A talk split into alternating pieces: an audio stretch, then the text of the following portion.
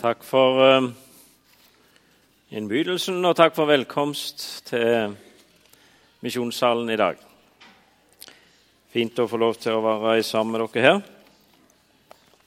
på dette, denne gudstjenesten. Skal vi for seg altså B-lag før enn vi leser det som er teksten for dagen?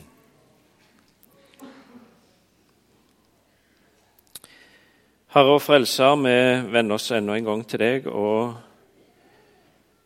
ber om at du hjelper oss til å lytte til ditt ord,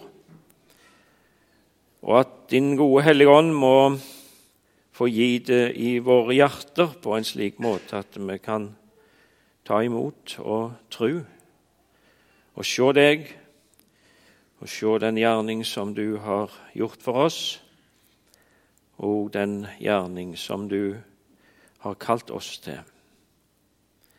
I Jesu navn. Amen.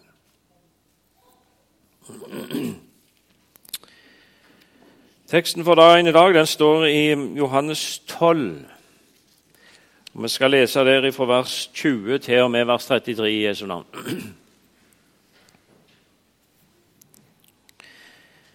Blant dem som pleide å dra opp for å tilbe under høytiden, var det noen grekere. Disse kom da til Philip, som var fra Betzaida i Galilea, og ba ham og sa, 'Herre, vi vil gjerne se Jesus.' Philip kommer og sier det til Andreas. Andreas og Philip går og sier det til Jesus. Men Jesus svarer dem og sier, timen er kommet da menneskesønnen skal bli herliggjort. Sannelig, sannelig, sier jeg dere. Hvis ikke hvetekornet faller i jorden og dør, blir det bare det ene kornet. Men hvis det dør, bærer det mye frukt. Den som elsker sitt liv, skal miste det men den som hater sitt liv i denne verden, skal bevare det til evig liv. Den som vil tjene meg, han må følge meg. Der jeg er, der skal også min tjener være. Om noen tjener meg, ham skal Faderen ære. Nå er min sjel forferdet og hva skal jeg si? Far, frels meg fra denne time. Men nei, derfor er jeg jo kommet til denne time. Far, herliggjør ditt navn. Da kom det en røst fra himmelen, jeg har herliggjort det, og jeg skal igjen herliggjøre det. Folkemengden som sto der og hørte det, sa da at det hadde tordnet. Andre sa en engel talte til ham. Jesus svarte og sa, ikke for min skyld kom denne røsten, men for deres skyld. Nå holdes dom over denne verden. Nå skal denne verdens første kastes ut. Når jeg blir opphøyet fra jorden, skal jeg dra alle til meg. Dette sa han for å gi til kjenne hva slags død han skulle dø. Amen.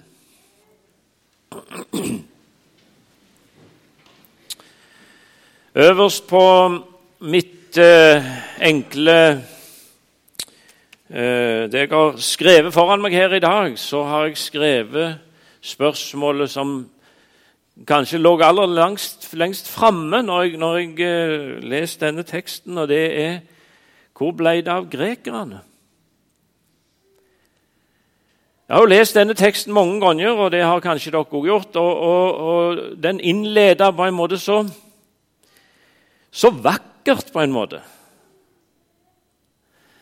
Eh, her kommer det ei eh, gruppe mennesker som eh, spør etter Jesus. De kommer til Philip og Andreas. Og En skulle kanskje tenke som så at midt i denne tida, når Jesus møtte så veldig motstand, og det var liksom Alt handla om det blant iallfall de øverste i Israel. Det var hvordan skal vi, hvordan skal vi få Jesus bort? Så dukker det opp noen grekere som ikke var jøder, og som, og som kommer og sier men vi vil jo gjerne møte Jesus. Og så spør hun hvor, hvor ble de av? For her får vi en, en lang eh, tale. Eh, og En skulle kanskje tenke at til slutt så, så kommer en iallfall tilbake til disse grekerne, men en gjør ikke det. Hvor, hvor ble de av? Eh, Johannes, når han skriver ifra dette, så skriver han 'men Jesus svarte'. Og Det, det tyder på at òg Johannes, som er en av Jesu disipler, han òg kjente litt på dette her, at det ble en slik spenning eh, mellom spørsmålet om å få møte Jesus og hans svar. Hvor er sammenhengen? Hva er det som skjer? Jesus kunne jo tatt seg tid, slik som han ofte gjorde, og sagt at eh, vi setter oss ned og så samtaler vi om eh, Guds rike og osv. osv. Kunne han Men han svarte som han gjorde her. Hvor, hvor ble de av?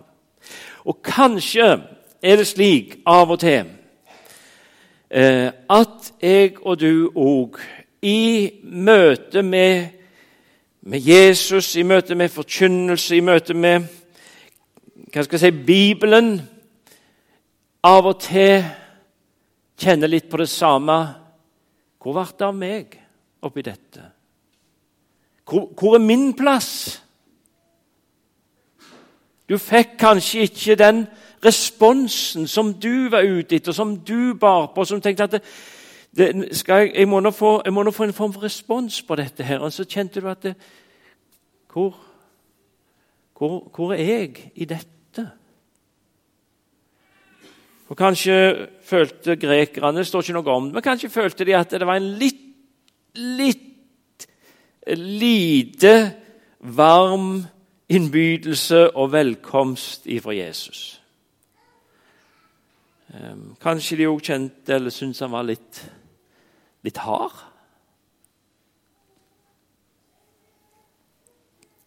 Skal vi si litt om det? Jesus var absolutt mest hard imot seg sjøl. Ehm, han Han ehm, Eh, sto på en måte i det som Gud hadde kalt han til. For de som kom og spurte etter han. Og hvor, hvor var grekerne henne? Vi kan være helt sikre på det. At Jesus hadde de helt inn på sitt hjerte på sitt sinn og i sin tanke og i sin gjerning og i hele det budskap som han her forkynner, så, så var de helt inne ved hans hjerte og sinn og tanke. Aller, aller fremst. Det er for deres skyld at han er så skal vi si at han er så hard imot seg sjøl og ikke, ikke tenker at nå skal vi få en hyggelig samtale. Nå eh, er hans kall å gi sitt liv òg for disse grekerne. For han ser en historie som, som, ikke vi kanskje ser i første omgang, og som kanskje ikke de heller så og, og var kjent med. Og Det finner vi mer av senere i Bibelen, der, der eh, det omtales de som var hedninger og som ikke var en del av Israel. Så skriver Paulus eh, om disse når han skriver, til brev, skriver brev til Efesus. Så skriver han eh, Kom i hog at dere på den tid var utenfor og uten Gud og uten håp i verden. Men nå, sier han, skriver Paulus til de kristne i Efeset, men nå er dere som før var langt borte, dere er kommet nær til ved Kristi blod. Hvor var grekerne? Hvor ble de av? Jesus bar de ved sitt hjerte. Og på samme måte så ber han deg og meg òg ved sitt hjerte. Om vi ser det slik og opplever det slik eller føler det slik, det er ikke sikkert. Men han ber oss ved sitt hjerte. Og Når Jesus ved slutten av denne talen eh, peker fram og forteller om hva slags død han skulle dø. Eh, og de som hørte han, iallfall deler av de som hørte han, de skjønte at nå, nå taler han om sin død, og han taler om sin død på korset. Så sier han Og når jeg blir løfta opp ifra jorda, så skal jeg dra alle til meg. Alle. Og Det er et av de ordene som jeg har um, liksom hatt eh, langt framme i møte med denne teksten. Det er dette 'alle'. Eh, av og til så kan det å snakke om alle bli litt sånn uklart og udefinert eh, og, litt ullent. Eh, vi finner jo brukt dette uttrykket 'alle' i mange sammenhenger i Bibelen når det er snakk om frelsen og evangeliet. Men når det står 'alle', så skal vi få lov til òg å tenke det gjelder deg og deg og meg og hver enkelt av oss. Jeg skal dra alle til meg. Med vår forskjellige historie og bakgrunn, med, med mitt liv slik som mitt er, ditt individuelle liv slik som det er, og slik som du kjenner det, og den historien som du har, og som er din, og som ikke er lik alle andre sin Du er blant disse alle, en av disse alle. Da skal jeg dra alle til meg.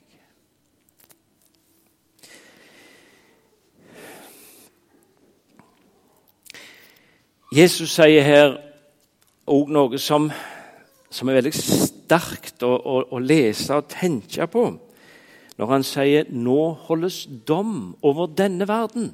Nå skal denne verdens fyrste kastes ut. Djevelen, Satan, eh, som Jesus går i kamp med, så å si, nå skal han kastes ut. I Kolosserbrevets kapittel 2 der skriver Paulus slik eh, Han, Jesus altså, han viste seg som seierere over dem på korset.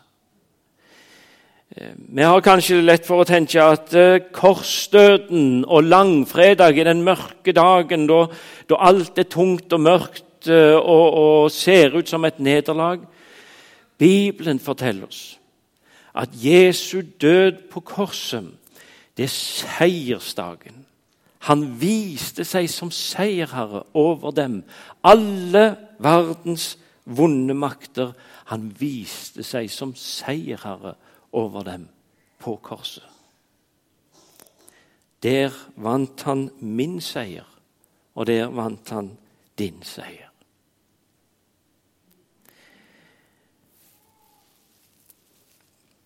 Hvor viktig er Jesu død på korset for oss og for den kristne tru hvor viktig er Jesus, Jesu død på korset.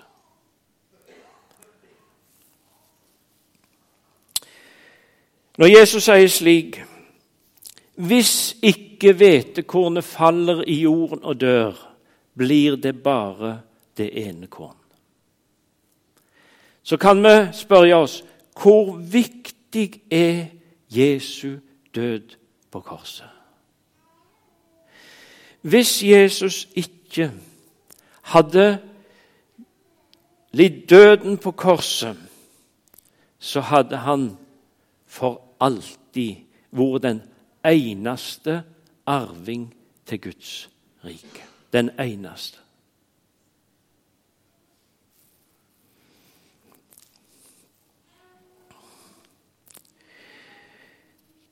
Uten at Jesus dør på korset, så sier Jesus da vil det heller ikke være noen frukt.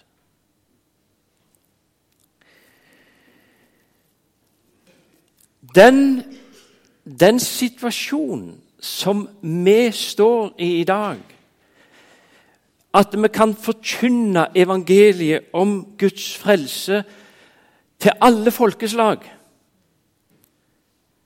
den avhengige helt og fullt av at Jesus døde på korset, at han lei døden, hvetekornet ble lagt i jorda for at det skal bære frukt.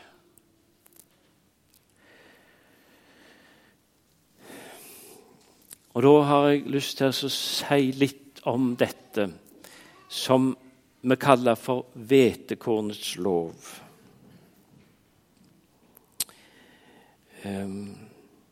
Etter hvert som Jesus taler om seg sjøl, sin død, og at han ga sitt liv, så registrerer vi at han taler også om oss som tror.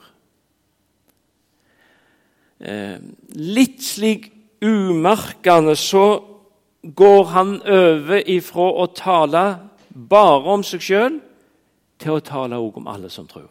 Og så tar han oss alle med inn i denne lov, hvetekornets lov, som vi sier. Og så sier han noe om at det å være en sann Jesu disippel, det handler òg om å følge Jesus i dette.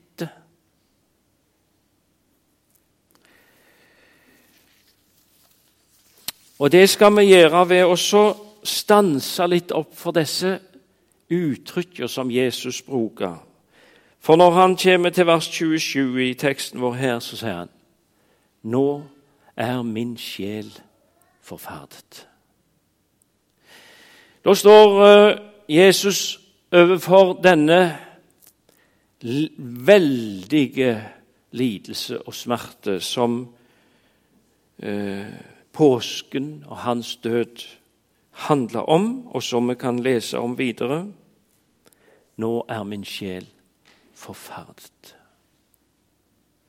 For han står overfor det kall og det oppdrag som Gud har gitt han. Og det er ikke, det er ikke noe han utfører med letthet, men med smerte og med forferdelse. Og så spør jeg oss som er her, har du av og til kjent at du òg har stått overfor noe som gjør at uh, du kan si nå, nå er jeg redd. Nå, nå, nå er jeg, Om du ikke sier forferda, så sier du kanskje at nå, nå kjenner jeg at jeg blir så å si utfordra på noe som krever mer enn jeg vet om jeg våger. Og så spør han hva skal jeg si når jeg står overfor denne forferdelsen? Hva skal jeg si? Han, han har på en måte foran seg eh, en, i, Iallfall i teorien så har han et valg. Og Slik vil det være ofte for deg og meg. Vi står overfor noen veldig krevende valg. Og så prøver han seg fram, eller han, han spør kanskje litt ut i flokken. Skal jeg si, Far, frels meg ifra denne time?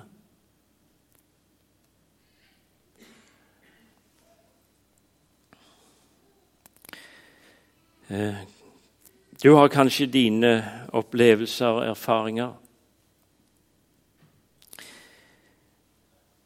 Jeg, jeg tenker å huske tilbake Jeg var veldig ung. Eh, kanskje en 13-14 år. Når jeg satt på et møte hjemme på bedehuset der jeg kommer ifra, og hørte misjonæren fortelle om misjon i Afrika. Det var, det var nok Etiopia, for det var eh, en Etiopia-misjonær fra min heimbygd som, som fortalte om, om misjonen i Afrika. Og Så satt jeg midt i salen en eller annen plass, eller midt i, på bedehuset. Og så, og så skjer det som av og til skjer. Det var som om Gud skulle stått der og prikka meg på akselen og sagt dette er ditt kall.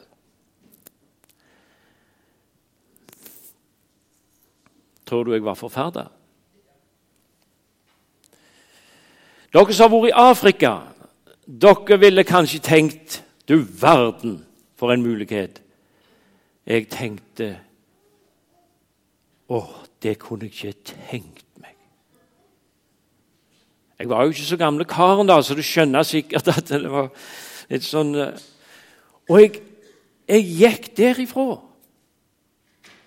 Og jeg hadde mest ikke praktisert å be til Gud før. Men da lærte jeg iallfall en bønn.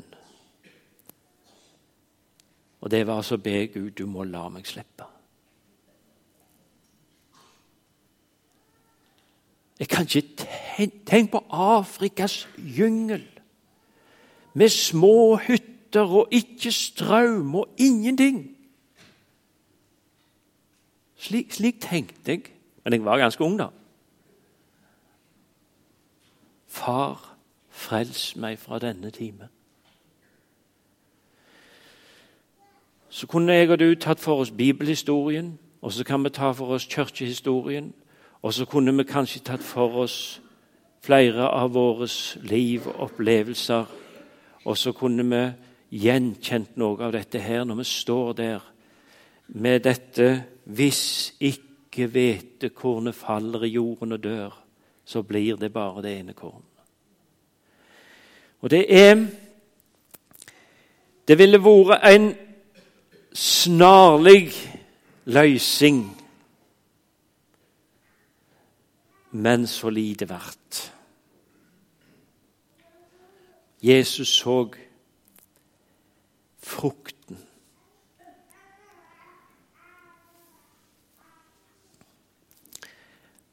Nå, nå, lurer dere sikkert på hvordan det gikk med meg. da, Det vet dere forresten. Men jeg, eh, han tenkte vel som så at når han ikke vil, så kan jeg iallfall sende han til Østlandet. da. Det kan jo være lite grann på veien. Selv om det ikke er det samme. Men men det å, å vite med seg sjøl i ettertid Det var slik jeg møtte den opplevelsen der. Det har ikke bare vært positivt, hyggelig å tenke på i ettertid. Hva var det jeg ba om?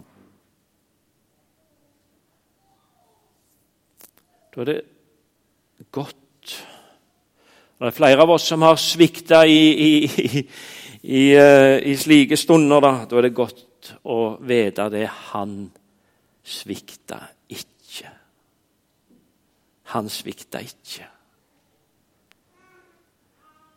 Ehm, jeg syns det er fint å, å kunne si slik som det står i en sang. Og kan jeg få komme med seier dag for dag? Jeg kommer til deg med mitt nederlag.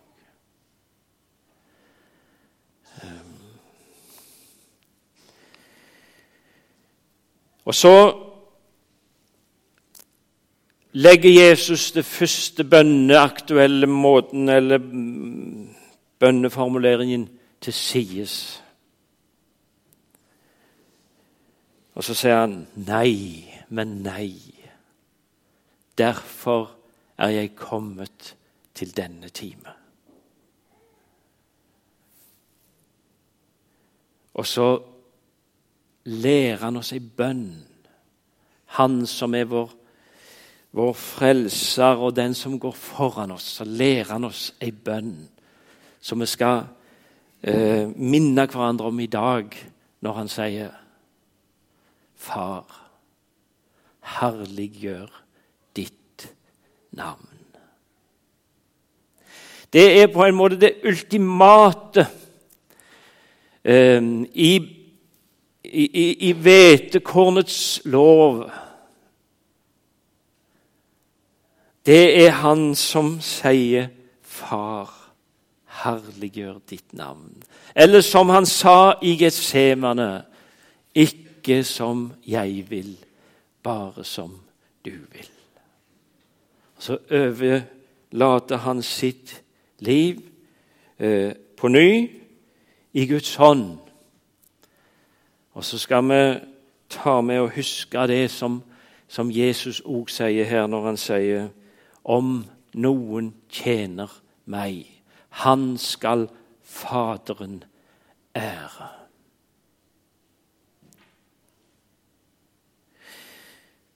Ingen blir fattig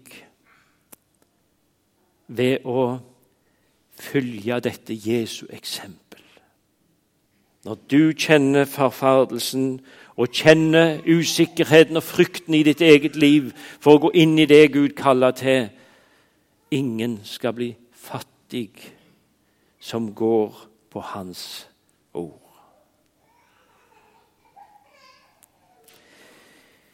Hvor ble det av grekerne, spurte jeg til å begynne med. Vi hører ikke mer om dem. Det blir ikke sagt noe mer om dem. Jeg lette lenger ned gjennom i samme tekst, men jeg fant ikke noe mer om grekerne. Men Jesus har gitt deg og meg i dag og så å si fullføre og følge opp budskapet til grekerne og til alle folk. Han har gitt oss. Og så å si ta denne dimensjonen videre inn i historien. Og så får vi lov til å stå i misjonens tid og forkynne Han som døde på korset for verdens synd. Vi får lov til å forkynne slik som tilbakemeldingene ofte kommer fra andre sammenhenger. Vi har hørt om en som er sterkere enn en, en, en Satan. Det var det forløsende for mange av Afrikas eh, de, de, som er nådd i Afrika. Vi har hørt om en som er sterkere enn Satan. Og så har vi fått stå og står i dette arbeidet i dag og kan bringe det ut og fortsette i den gjerning som Jesus så å si ja, han la grunnen for den. Så er det vår tid til å gå.